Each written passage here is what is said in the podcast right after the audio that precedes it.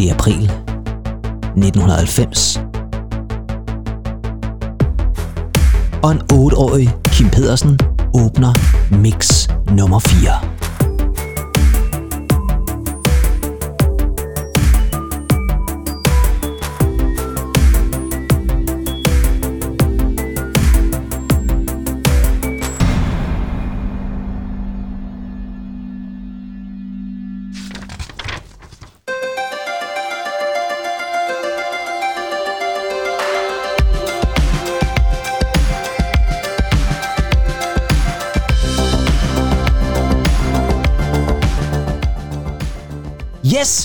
velkommen til Noget ved musikken. Jeg prøvede lige at sætte scenen her. Det ved jeg ikke, om du kunne fornemme, Andy. Det kunne jeg i hvert fald godt fornemme, og jeg, jeg havde lige fireårige Pedersen øh, med, med, med Fireårige? Otteårige? Nå, otteårige for helvede. Sagde jeg fire? Otteårige Pedersen øh, inde på, på min nethinde. Det var der, du stadig havde plaster øh, for øjet, ikke? Jo, ej, jeg tror sgu, jeg havde smidt øh, plaster der. Jeg, jeg gik jo fra plaster til briller. Det lyder, nu har jeg før snakket om øh, titlen på min biografi. Det kunne måske også være fra plaster til briller. Kim Pedersen fra plaster til briller. Det tænker jeg faktisk godt kunne være en god titel. Øh, jeg øh, mener faktisk, at Gabrielle hun gik fra, fra plaster til klap. Hun gik fra plaster til klap, lige præcis. Det burde måske være titel på hendes biografi.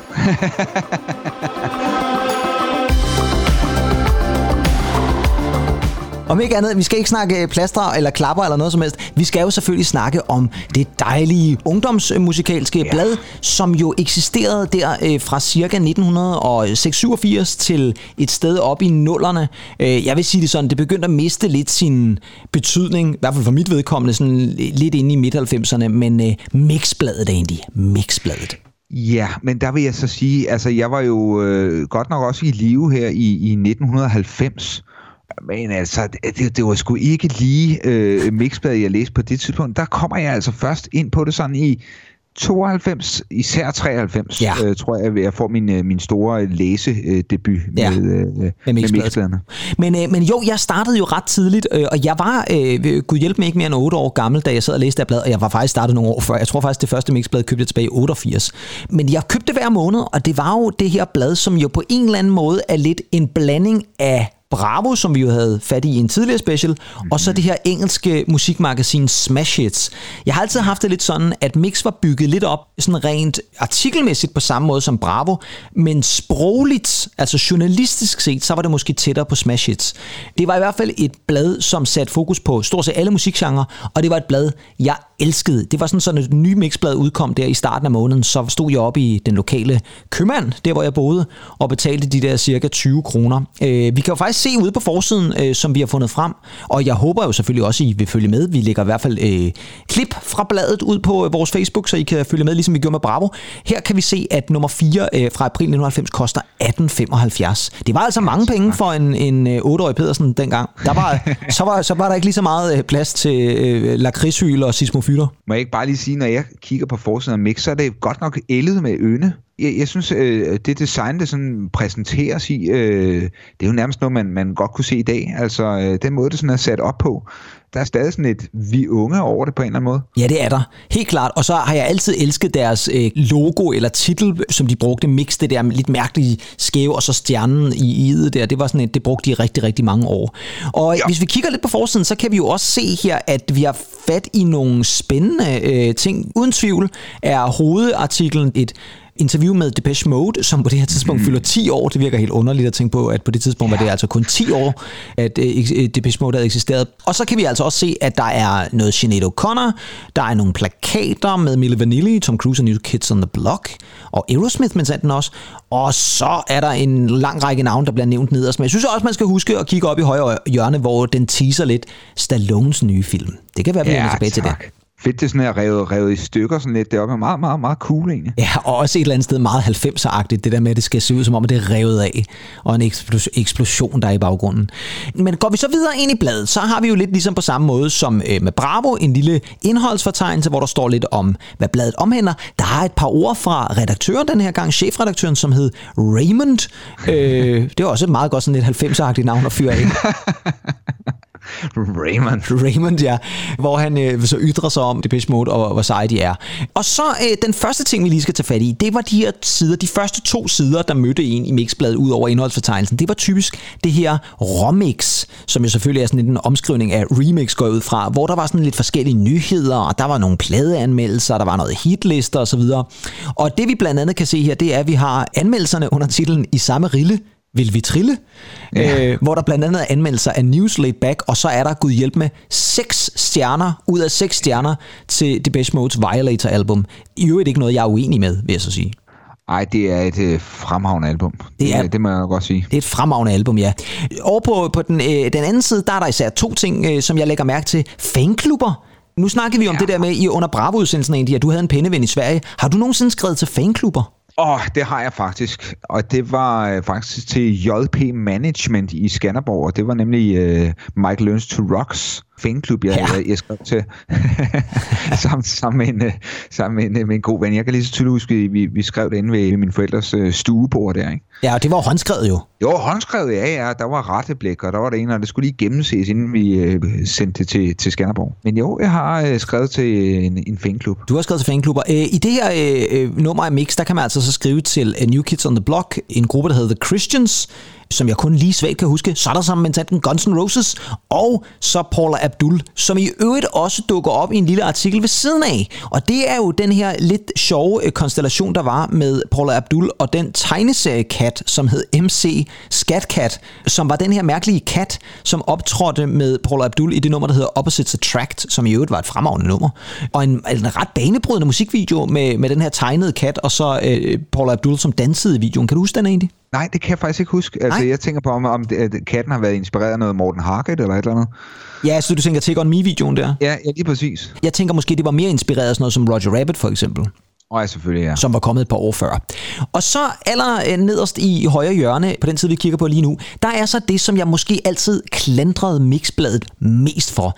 Fordi guderne skal jo vide, jeg er hitliste fan og hitliste fanatiker, og der synes jeg sgu et eller andet sted altid, at Mix var en lille bit smule tynd på det område, fordi det skal lige sige, der er flere lister inde i bladet, men det er altid sådan nogle lidt små lister, det er sådan genre-lister. Det her, det var simpelthen den liste, de havde, og så hedder den så i øvrigt Chaka-listen. Guderne ja. må vide hvorfor. Øh, det er en Chaka liste, Khan, eller hvad? måske Chaka Khan, jeg ved det ikke. Det er i hvert fald en liste, der er baseret på radiostationer, øh, blandt andet The Voice osv., og så var det altså også kun en top 10 liste. Og det var bare sådan et, og jeg synes sgu, det var ja. en lille bit smule kedeligt. Men egentlig, jeg tænker, at den her Chaka Chart, skal vi måske lige lytte til det nummer, der er nummer 1 så? Det er jo øh, den gode Sinead O'Connor og øh, Nothing Compares to You. Jamen, det synes jeg, vi skal, min ven. Lad os lige tale lidt af det. I can eat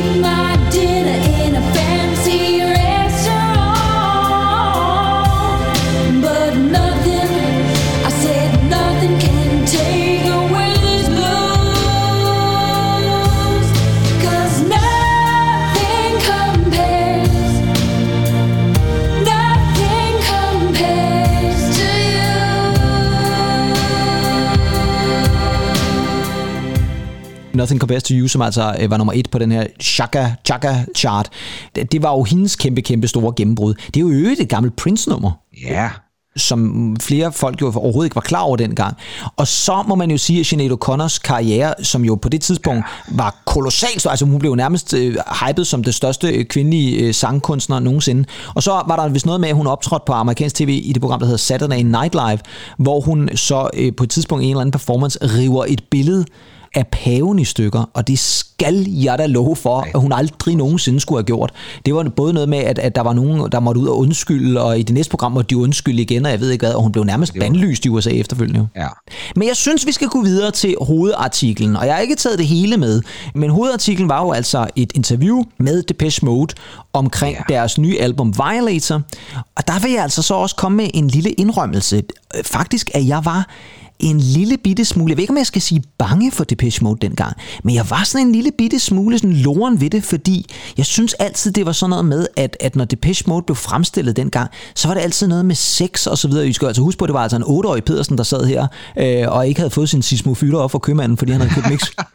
han havde købt med sin, sin, sin blyantis der sin, chokolade. lige præcis, ikke? Altså, jeg måtte nøjes med mixbladet. Og så kan jeg huske, der var billeder af Martin Gård, der stod og omfavnede en nøgen kvinde og sådan noget der. Og det var jeg sgu en lille bit smule bange for. Så jeg vidste ikke helt, hvor jeg havde de der Depeche Mode. Musikken kunne jeg godt lide, men, men personerne mm. synes jeg var lidt skræmmende på en eller anden måde. Og det vi kan se i den her artikel, det er jo også, den hedder Sex, Lies and Videotape som jo selvfølgelig er en reference til den her øh, film, der også var meget populær den her gang.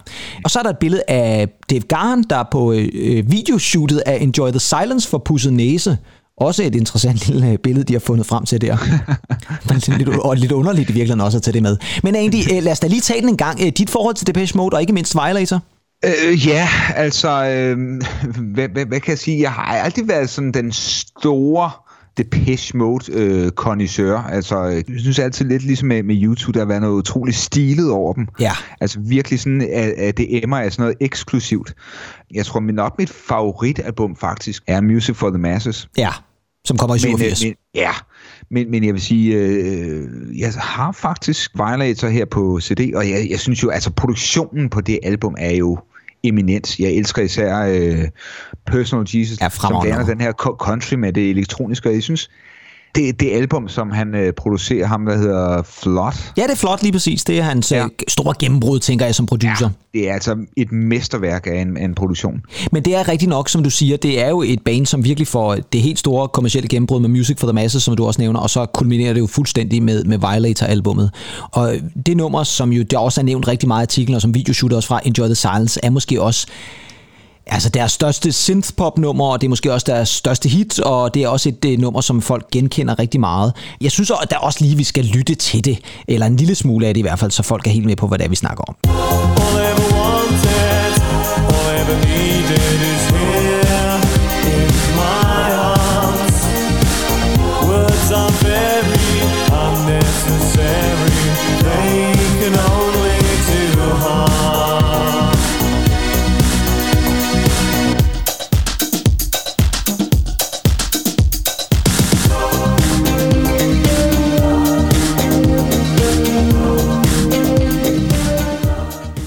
Jeg elsker de der korvokaler på keyboardet der. Det er super Men fedt. Det, Pedersen, det var vel også her, hvor, hvor nu snakker vi om R.E.M. sidst, der, der gik fra kultband til det her store mainstream band. Jo, altså det, og især i USA jo, kan man sige. Ja. Ja. Uh, USA, de tog jo imod med kysseren. Især fra den periode der fra 87 Music for the Masses, der var de på en turné der, som, som kulminerede med, med den der koncert på Rose Bowl. Og så så kommer albumet Violator der i, i 90, og det er jo så ligesom der, hvor at, at det hele bare øh, går op i en højere enhed, og, og de bliver større end nogensinde. Og det sjove med det her nummer også, Enjoy the Silence, er jo faktisk, at den oprindelige demo, som Martin Gore skrev, er jo en, i sådan en klaverballade, og meget afdæmpet. Og så er det faktisk Alan Wilder, øh, musikgeniet i bandet, vil jeg jo påstå, ja. og så øh, Flot, produceren, du nævnte også, som på en eller anden måde begynder at sige, jamen, kunne det ikke godt fungere som sådan et dansabelt nummer, og sætter trommer på og alt muligt andet, så det bliver det her øh, meget, meget karakteristiske kendte nummer. Og så er det jo også meget interessant, at rigtig meget af Violator-albummet, ligesom med Music for the Masses, er indspillet i Danmark. Over ved ja, Puk-studierne. Puk-studierne, nemlig over ved Randers, ja. Så kommer vi over til øh, nogle af de her lidt sjove ting. Fordi en af de ting, som jo også, synes jeg, karakteriserede lidt mix, det var, at det var nogle rigtig dygtige og også meget passionerede musikjournalister, der var ind over. Vi har allerede haft en artikel med øh, Depeche Mode, som jo var Anders Hårder, eller Harder, eller hvordan du nu udtaler det, som jo senere blev chefredaktør. Jeg ved ikke, om hvad der skete med Raymond. han, trak sig, han trak sig på et eller andet tidspunkt, og så, øh, så tog øh, Anders Hårder altså over. Men øh, der var også andre journalister. Der er noget her, et lille, lille segment, lad os kalde det i bladet, som hedder Dance on the Beat. Sådan en lille øh, ordleje, det er ikke dance, men Dance on the Beat, D-A-N, og så en apostrof S, og det er jo selvfølgelig, fordi det er Dan Raklen. Ja. Still going strong, tænker jeg vel egentlig. Det er han. Øh, Jeg har lyttet faktisk til en podcast for noget tid siden, hvor han havde Dodo and the Dodos inde, og øh, ligesom skilte det her øh, vågner i natten nummer sådan, øh, ad og, og analysere det. Det var, det var ret spændende. Jeg, jeg, jeg har altid været mange forskellige meninger om, øh, om Dan Racklin, men jeg, Ja, det skal jeg love for. Jeg, jeg kan sgu egentlig meget godt lide ham. Han er sådan øh, den frække dreng på øh, Skovs Hoved Kro.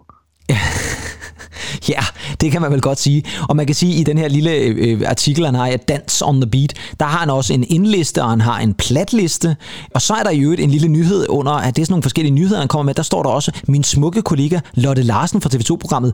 Hallo, hallo. Det kan vi jo godt huske, der Åh, vi også ja, før. ja, det kan jeg sgu godt Hun var huske, meget ja. stor der i starten af 90'erne.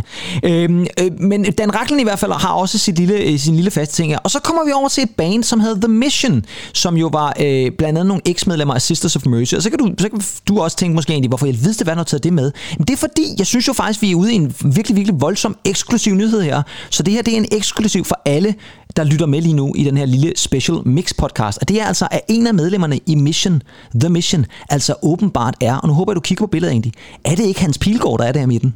Jo, jo, jo, det, det, det ligner jo helt, helt vildt faktisk. Altså det, altså, det ville da være en eksklusiv, hvis det kom frem her i øh, noget ved musikken special mix podcast, at Hans Pilgaard simpelthen var med i øh, Sisters of Mercy bandet The Mission. Det, det ligner mega meget Hans Pilegaard faktisk. Ja, det tænker jeg faktisk også lidt, det gjorde. Og øh, det var, det var derfor, jeg tænkte, jamen det skal vi da lige have med. Altså, om ikke andet som en eksklusiv, at Hans Pilgaard måske var med i The Mission. Om ikke andet i hvert fald, så kan man sige, at det er et band, der i hvert fald var meget populær. Og øh, nu snakker vi om kendte journalister. Ham, som har lavet det interview med The Mission, og i øvrigt også har lavet den nyhed med Guns N' Roses på den anden side, det er jo Alex, også kendt som Alex Nyborg Madsen, forsanger og radiovært og dygtig Og som journalist. altid snakker om Delamitri. Og som altid snakker om Delamito, som i øvrigt faktisk har noget helt nyt ude, tror jeg nok. Så jeg kan vide om Ja. Alex Nyborg Madsen, han er helt op at køre lige i øjeblikket. Øh, men han var altså også skribent på Mix dengang. Det var altså dygtige mennesker, de omgav sig. Og så kommer vi over, lidt ligesom vi havde med øh, Strømmer i børnehaveklassen, så kommer vi over til en af dine Pedersen, favoritfilm, ja. nemlig Tango og Cash, egentlig. Ej, jamen det er en af mine yndlingsfilm overhovedet. Ja, det ved jeg. Øh, jamen, jeg, jeg, altid, jeg elskede uh, Tango and Cash. Det var og, og en meget, meget skræmmende film faktisk, med, med, med Jack Palance som den her øh, vanvittige bad guy der. Ja, han er sådan et fuldstændig stort lokale, der, der har møder med, med, med sin henchman der. Ej, det var, det var, det var voldsomt. Men han var jo også bare en, han var en god skurk, Jack Palance. Ja, han har altid været en fremhavende skurk. Ja. Jamen, de, de, de, de gjorde det sgu godt. Altså, der er jo masser af one-liner. Altså, jeg, jeg lyttede også til en, til en anden podcast, der Hakkedrengene, hvor, hvor Ja. de gennemgår faktisk den her film ned til mindste detalje. Den er øh, værd at lytte til. Ja, en god podcast. Øh, den kan vi bestemt ja, ja, den- godt den er slå et slag for. Et eller andet sted også bare... Jeg har altid synes, der var sådan et eller andet godt makkerpar over Kurt Russell og øh, Sylvester Stallone. De fungerede sgu meget godt sammen. Ja, det gør de. Vi skal videre til næste øh, lille del, øh, og det er jo her, hvor vi har cementmix. Og det er altså oh, rock og den heavy Ja. rocken. Og det er jo altså inden, at vi har den gode James Rasmussen, Uh, ja. Yeah. som altså Ja, først for kommer nogle år senere. Øh, her er det altså, senere, ja. ja. det gør han, og her er det altså stadigvæk Alex Nyborg Madsen, der selvfølgelig styrer det. Jens Jem Rasmussen, ja, som vel havde sit, sit banebrydende øh, interview med øh, Scorpions, så vidt jeg husker. Ja, det, han havde i hvert fald et interview med Scorpions, det er helt sikkert. Øh, her er der så en lille playliste, ikke en hitliste, men en playlist, hvor at Aerosmiths Pump-album ligger nummer et, og så er der en lille artikel med en, øh, ja, jeg ved ikke om det er en hest eller en indjørning, som står bag øh, John Bon Jovi, øh, som der også ser øh, meget frygtindgydende ud. Så er vi nået til en interessant ting, og det synes jeg er sådan lidt special for Mixbladet. Der har vi jo et meget øh, ungdommeligt ungdomligt billede af vores gode ven øh, Anders Hårder oppe i hjørnet. Og det er jo altså her, hvor at mixlæserne selv kommer på banen. Og det gør de jo med tegninger og mærkelige citater og vidtigheder, jeg ved ikke hvad. Og der er en, der har tegnet Axl Rose dernede øh, på, på Paradise City. Noget på en banegård eller et eller andet. Øh, og, men det, jeg synes, der er rigtig vigtigt her, det er især to ting. Den ene, det er Teacher Busters. Øh, Ja, hvad fanden er det for noget? dengang, der var man jo ung, så skulle man jo helst have lærerne. Og der er altså en meget ondsindet matematiklærer, som ligner lidt sådan en rumvæsen. Øh, nu har vi flere øh, kollegaer egentlig, som jo er matematiklærer. Der er ikke umiddelbart ja. Nogen af dem, der ligner den her tegning. Øh, og på den anden side tænker jeg heller ikke nødvendigvis, at vores elever øh, agerer teacher busters. Men det er sjovt, for de her tegninger minder mig enormt meget om øh, nogle tegninger, som en fra min klasse lavede. De kunne, han kunne lige så godt have lavet den her tegning i virkeligheden. Han var meget dygtig til at tegne. Og, Men men- men- men det her had til, til lærerne, det, det var vel også ulmende dengang, ikke? Altså, det er sgu ikke øh, i vores øh, lærerkarriere her. Øh, Det er ret nok, der er måske sket et eller andet, øh, en, man, man var måske bare mere lærerfjendsk dengang, det skal jeg ikke kunne sige. ja, ja det Øh, der med, med kridtstøvet på katheteret og æderkopper i skufferne og alt det der. ja, lige præcis. Var det ikke også der, man altid lavede, der, le- eleverne laver jo ikke pranks længere, det er ikke sådan, at man sætter en spand med vand op på døren, og så går læreren ind det. Det har jeg i hvert fald ikke været ude for. Det var mere populært tilbage i 90'erne måske i virkeligheden. Øh, jeg kunne godt forestille mig, at I har lavet det ude på Mogenstrup skolen egentlig. Jo, jo, vi, vi, vi, vi, vi, vi, lavede det med, vi lavede det med kridtet, og så kunne jeg huske, at der var en, en lærer, der engang kom ind i, i klassen simpelthen med et A4-papir, Ja. og stod sådan helt og stirrede ud i luften og sagde, når jeg kommer her om morgenen, så er jeg sådan et helt stykke A4-papir, og så stod hun ellers bare og rev, rev stykker af. Nej, det er jo sådan helt det uh, Sinead O'Connor med pavenagtigt på en måde jo. Det, det, var, det var nærmest, altså, det, der, der var så ikke øh, hverken øh, pave eller... Øh, Eller skoleinspektøren. Borg, Eller, eller skoleinspektøren, nogen som helst på det.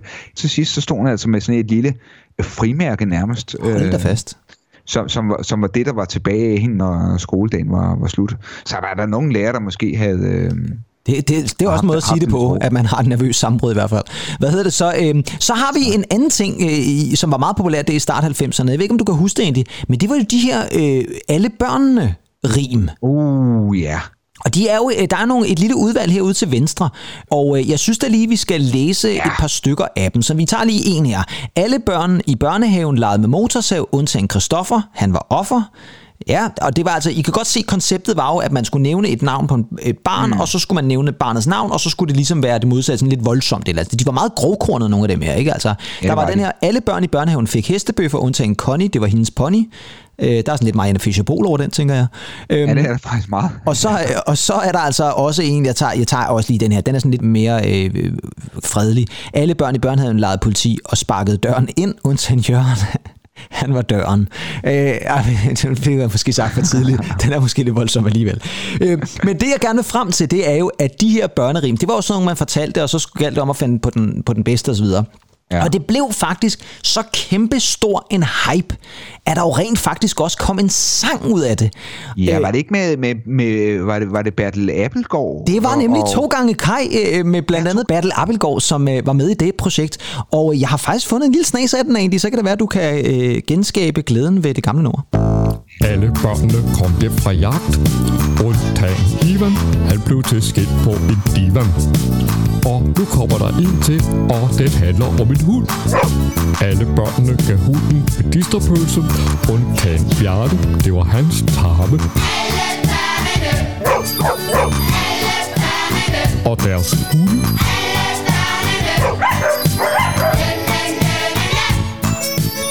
Og nu, så kommer der to fra jule. Ja, og det var, det var sådan lidt en sjov sang, fordi det er Bubber, der, eller en, der lyder som Bubber, som på en eller anden måde er vært igennem nummeret. Og så kommer der sådan nogle forskellige børneværter igen. Øh, Folk, der lyder som børneværterne ind over, det er lige fra Kai Andrea til Bamse og Kylling, og så men sandt også god gamle Paul Thomsen. Og de lavede også en meget, meget, meget, meget grov version af det her nummer, øh, som jeg ikke lige kan huske, hvad hedder, men som, hvor det virkelig er nogle, altså der er det, både, der er det så en parodi på Christian Poulsgaard og Uffe Ellemann, og jeg ved ikke hvad, der, der kommer ind og, og laver, laver mærkelige børnevidigheder. Jeg tror ikke, den var gået i dag, lad os bare sige det sådan.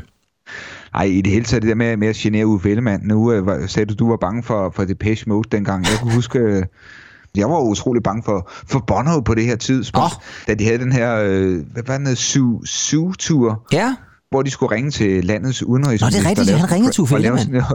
og, lave sådan en prank med dem. ja så fik han, Jo, han fik var Alice i meget, røret meget- eller sådan noget lignende. Var det ikke sådan, det var? Jo, ja, han, han, øh, Bono fik øh, Alice Vestergaard i røret der, Ja. og ville, øh, er meget, meget oprørt. Der var flere artikler der. Ja, det kan jeg godt huske. Det var meget øh, kontroversielt dengang, ja. Jeg, jeg, jeg, jeg kunne huske, jeg var sådan meget øh, oprørt faktisk Ja. ja. op over, at man kunne finde på at ringe til, til Uffe Ellemann sådan midt, om, midt om natten og, og, og pranke ham. Ja, og det er jo et eller andet sted til, sindssygt, ikke? Fordi jeg tænker, i dag, hvis man var blevet ringet op af Bono, så har man jo set det som en kæmpe gave et eller andet sted, og ikke som en telefonprank et eller andet sted. Og i virkeligheden, bare det, at Bono laver telefonpranks, det er jo et eller andet sted sindssygt. Øhm, Men problemet er bare, at jeg har min på forstyr, ikke? Så Lige præcis, det er lidt ærgerligt, at man går glip af øh, telefonprank-opkaldet for Bono. Om ikke andet, så er vi øh, nået til et andet øh, lille øh, ting i Mixbladet. Og der har vi altså endnu et øh, journalistisk mastermind, øh, vil jeg våge påstå. Måske en af de dygtigste journalister inden for hiphop og rap nogensinde i dansk musik øh, skribent historie, nemlig gode gamle Jeppe Busy Bisgaard, som man omtaler sig selv her nu. Og jeg bliver altså en lille bit smule mulig ved, vemodig også, når jeg tænker på ham, fordi han er jo desværre mm. også gået bort i en alt, alt, alt for tidlig alder for et par Ja. år tilbage. Øh, Ja. Jo et søn af Hans Otto Bisgaard jo. Ja. Men han øh, skrev altså meget passioneret om hiphop og rap, og øh, her er der altså både LL Cool J og Tribe Called Quest, der er Jungle Brothers, der er Public Enemy, og der er noget Ice-T, jeg ved ikke hvad, så det er de store drenge. Nu så jeg lige og kigge her, fordi du siger heroppe med Tribe Called Quest. De er jo faktisk stadig aktive. Det er ikke så forfærdeligt mange år år siden, de udkom med et ret så habilt øh, udspil. Jeg Ja. I min alder af 8 år anede intet om hiphop dengang, og jeg vil sige det sådan, Nej. der var ingen tvivl om, at Jeppe Bisgaard, han vidste altså, hvad der rørte sig dengang i den verden. Det er der slet ingen tvivl om. Meget, meget, meget dygtig. Og lige til det sidste var det en af dem, som, som virkelig øh, slog slag for hiphopmusik. Også i Danmark jo, et masser af danske hiphopkunstnere, tror jeg, har fået et øh, rygklap Jamen, han, han, var virkelig, han var virkelig en af, af, af sådan de, de folk, der virkelig fik sådan sørget for, at, at hiphoppen fik et, øh, en, en, stor del af, radioens sendeflade også, ikke? Helt klart, ja. Helt klart. Øh, på næste side, der har vi så endnu en af de der journalistiske gutter, som man kender, nemlig gode gamle Jesper Berns. Uh, ja. Og han har altså sådan et segment her, som jeg tydeligt kan huske, som hed Ud i en køre, hvor det så nærmest er skrift, det kan man jo også se, hvis man går ind og kigger på vores Facebook og billederne. Ja, ja. Det er sådan øh, spalter, og så øh, var det den ene nyhed, der tog den anden, og så er det skrevet med fed skrift, som man hele tiden kan finde ud af, om der er nogle kunstnere, som øh, siger en noget. Men det her, det er altså også en, en, hvad kan man sige, det er jo lidt sådan øh, de kendte sladder et eller andet sted, øh, som Jesper Berns har kastet sig over her. Ja, der, der er sådan lidt, øh, lidt øjne i natten. Øh, Ja, på en måde. For, øh, for, for, for se og høres øjne i natten. Må jeg ikke bare lige sige, ser de her øh, billeder, der er altid sådan i, i 90'erne her, og især i mixpladen også her, alting skulle sådan øh, være på skrå. Ja. Og det øh, så man også bare sådan et teenageværelse på det her tidspunkt. Så skulle plakaterne sådan altid være på skrå. Fuldstændig rigtigt, og, og jeg synes altså også, nu nævnte du det også med, med forsiden, der er altså noget med layoutet her, som bare funker super godt, altså som bare ser fedt ud på en eller anden måde. Det kan godt være, at det ja. sådan er meget tidstypisk, det er det jo nok, men, men der er altså også et eller andet ved det, som jeg faktisk bare godt kan lide. Og så i øvrigt er der et, et billede af Richard Marx nede i, øh, i højre hjørne. Kan vide, om han er en af dem, der måske kunne have fundet på at, at sætte sig i kø i systemerne for at få en frisørtid. Det, det, det, det er jeg 100% sikker på. Jeg tror jo i øvrigt, øh, Richard Marx øh, hørte vi jo en del i midtnålerne, gjorde vi ikke? Jo, det gjorde han vi. fik sådan en, en revival op i min gamle lejlighed. Jo, især det nummer Right Here Waiting. Det, det var, der var en af de personer, der, der var oppe i lejligheden, som var, var meget begejstret over det nummer, kan jeg huske. Øh, et lille shout-out her til gode gamle Whitestone, tænker jeg, at vi godt kan, kan give Ja, os. det kan vi godt. Så kommer der en artikel, som jeg synes er, er lidt morsom, fordi det er så en anden dygtig journalist, som faktisk i virkeligheden efterfølgende er blevet meget, meget kendt forfatter, debattører og skribent osv., nemlig god gamle Martin Kongsted. Han var altså også på Mix den her gang, og øh, han har altså skrevet en artikel om Fed Up Boys, ikke Pet Boys, eller jo, det handler jo om Pet Boys, men altså under titlen Fed Up Boys. Og det handler altså lidt om det der med, at hvad er der blevet af Pet Shop Boys? Øh, nu har de ikke udgivet noget i meget, meget længe. Det her det er altså i starten af, eller starten af april måned i 1990, og der er det altså lang tid siden, at Pet Shop Boys har udgivet noget. Det er også rigtigt, fordi at det seneste album på det her tidspunkt, det er jo helt tilbage fra midten af 88 Introspective, så der er næsten gået to år her, hvor Pet Shop Boys ikke har udgivet noget rigtigt. Til gengæld har de jo så lavet en masse andre projekter. Blandt andet et projekt med Liza Minnelli, datter af Judy Garland og stor skuespiller, Oscar-vinder, var med i øh, Cabaret og, og meget dygtig sangerinde, som altså lige pludselig skulle udsættes for øh, Pitcher Boys' produktioner. Og det er øh, overraskende nok, eller det ved jeg ikke, om man kan sige, det var overraskende, fordi Pitcher Boys er jo også dygtige producer, men det kom der jo faktisk et nogle ret store hits ud af et ret populært album, der hed Results, og ikke mindst også en ret stor single, som jeg da synes, vi lige skal smage lidt på Ja. her. Den hedder Losing My Mind. I. Spend sleepless nights to think about you. You said you loved me, or were you just being kind?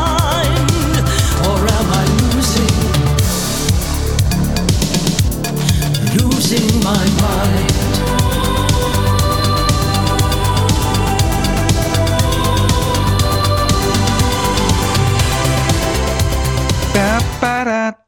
Da, da, da, da. Jeg synes Super ikke, fedt riff. Ja, det er super fedt riff, og det er jo ikke særlig svært at høre. Det er Shop Boys, der er ind over det her. Det er emmer af Shop Boys.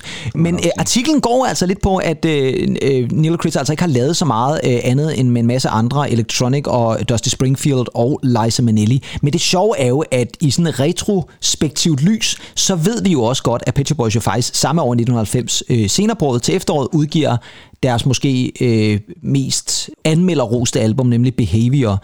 Så de, de er jo på vej med noget nyt på det her tidspunkt, men det øh, tror jeg faktisk ikke, øh, Martin Kongsted når at finde ud af. Til gengæld er der Neil og Chris, der øh, udtaler sig om en masse spændende kunstnere, alt fra New Kids on the Block til Kylie Minogue osv. Det er sjovt, det, nu der står Fed Up Boys, fordi altså, mit indtryk er Pet Shop Boys og Prove Me Wrong, men, men det er jo altså, at når, når, når de så ikke er i rampelyset, så sidder de jo for fanden i studiet, eller så skriver de for andre, eller har gang gang i en musical eller et eller andet.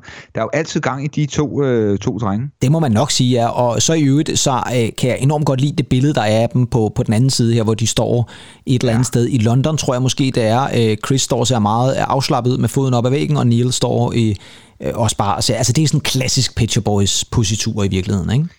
Så øh, har vi øh, noget af det sidste. Der har vi jo selvfølgelig pennevennerne, når du snakkede øh, vi om din svenske penneven øh, i sidste øh, øh, Bravo Special udsendelse. Men her der har vi altså også en anden ting, nemlig efterlysning. Og den synes jeg er interessant, fordi det er jo altså her, hvor man kunne skrive ind, hvis man havde mødt en eller anden, set en eller anden til en fodboldkamp, eller mødt en eller anden på stationen, som man gerne vil finde frem til, så kunne man skrive det.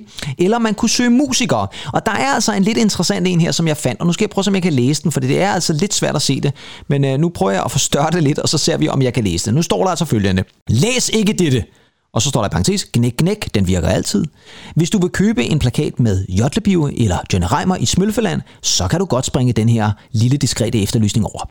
For vi søger med lyslampe og underjordiske udgravelser efter nogle halvmusikalske individer, som kan finde ud af at spille på spade, hakke i trommer eller noget andet, som gerne skulle lyde som musik. For vi er nemlig to, parentes, skøre tøsere, som synes, at det kunne være sjovt at forsøge at skråle i et band, og vi sagde forsøg.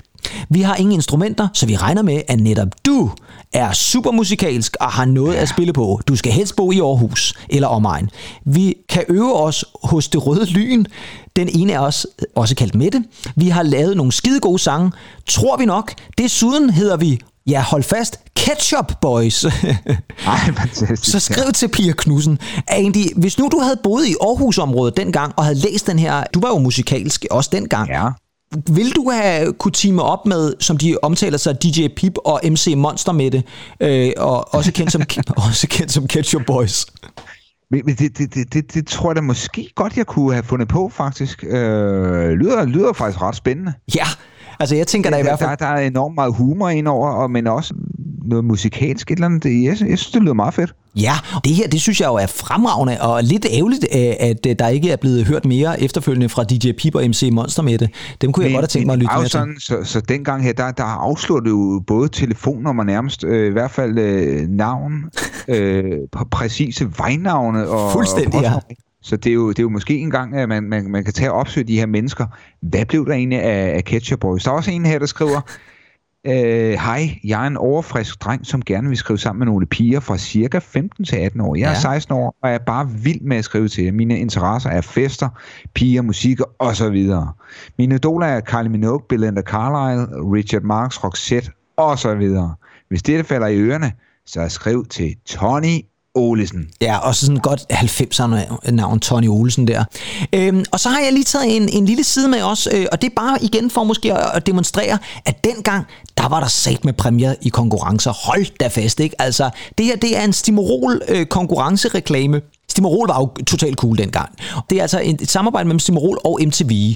Og det er altså Stimorol and MTV take you to the stars, see the greatest stars live on stage in LA. Og så skal I altså høre præmien. Vind otte fantastiske dage i USA med Stimorol Chewing Gum. Fest med de kendte stjerner til MTV's eget Video Music Awards i LA. Besøg Hollywood og de berømte steder. Første præmien er altså 8 dage til USA, og man kommer med til Video Music Awards. Ja, det er jo fuldstændig sindssyg præmie. Altså, det kan man slet ikke forestille sig i dag. Og, og det her med at, at komme til USA, ikke også? Det er jo også på et tidspunkt, hvor, hvor en flybillet, det koster jo det hvide ud af øjnene. Og så bare amerikansk populærkultur, øh, sådan på det her tidspunkt, med Guns N' Roses og jamen, hvad fanden der ellers er derovre fra, ikke? Ja, altså, lige det er præcis. jo kæmpestort på det her tidspunkt. Så er der også en udmærket anden præmie med en Sony Compact Disc afspiller. Det har nok været en diskmand i virkeligheden. Og så får man altså øh, de, de, op til 500 andre præmier, hvor du enten får en CD eller et kassettebånd. Der er man altså gået væk fra vinylen dengang. Der er der altså CD eller kassette, ja. man, man, man premierer med. Øh, der bliver man altså ikke spist af med vinyl dengang. Og så den aller sidste side i mixbladet, det er jo ligesom bagsiden. Og der er vi jo, t- ja, og der er vi jo tilbage til noget, som vi jo faktisk selv havde med, da vi øh, havde besøg af Morten Philipsen øh, i vores program som gæstevært. Fordi der udsatte du jo Morten for en blå bog. Og det er vel i virkeligheden det, vi har med at gøre her egentlig. Ja, og, og, og læg mærke til, der, der er jo de her øh, fire øh, fact files Ja. med, med stiplede linjer, så du ligesom kunne klippe dem ud og hænge dem op på øh, måske på skrå. Ja, lige Og der er jo, øh, og der, der ser vi jo både med Phil Collins, danseorkester, og hvad har vi her, Tom Cruise og Lisa Stansfield. Ja. Nu snakker du om Phil Collins' yndlingsret.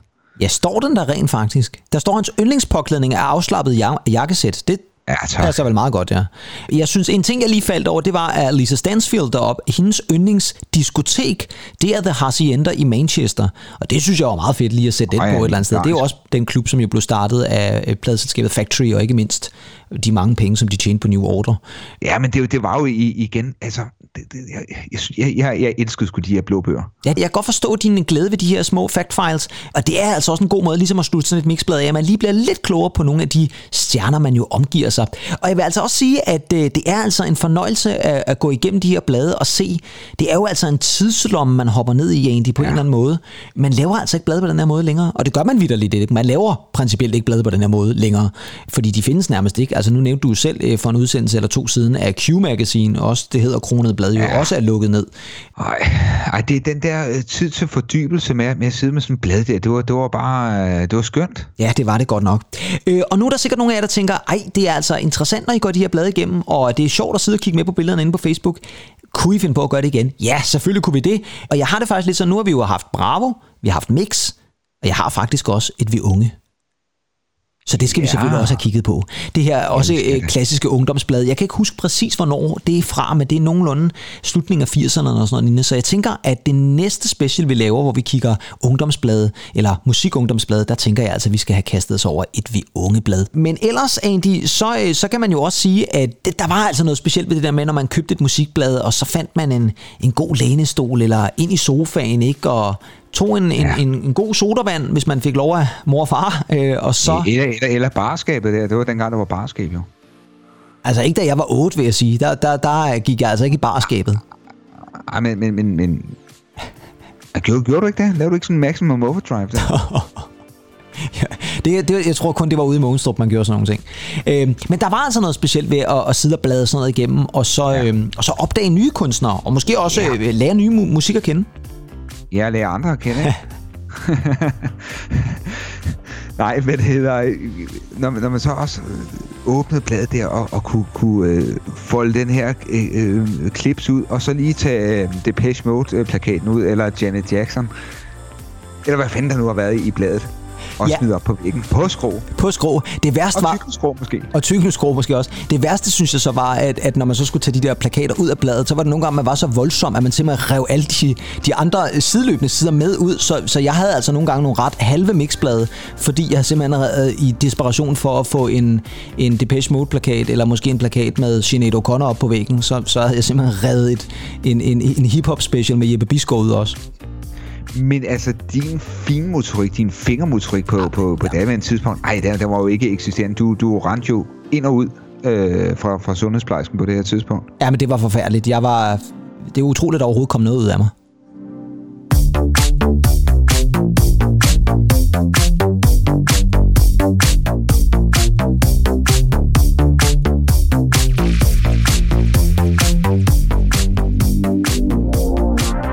Men vi håber, I har nyt vores øh, gennemgang af mix nummer 4 fra 1990. Det har vi i hvert fald.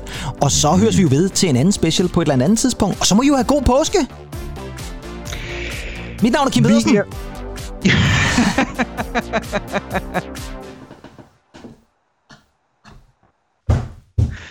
Og jeg hedder Andy Sanders.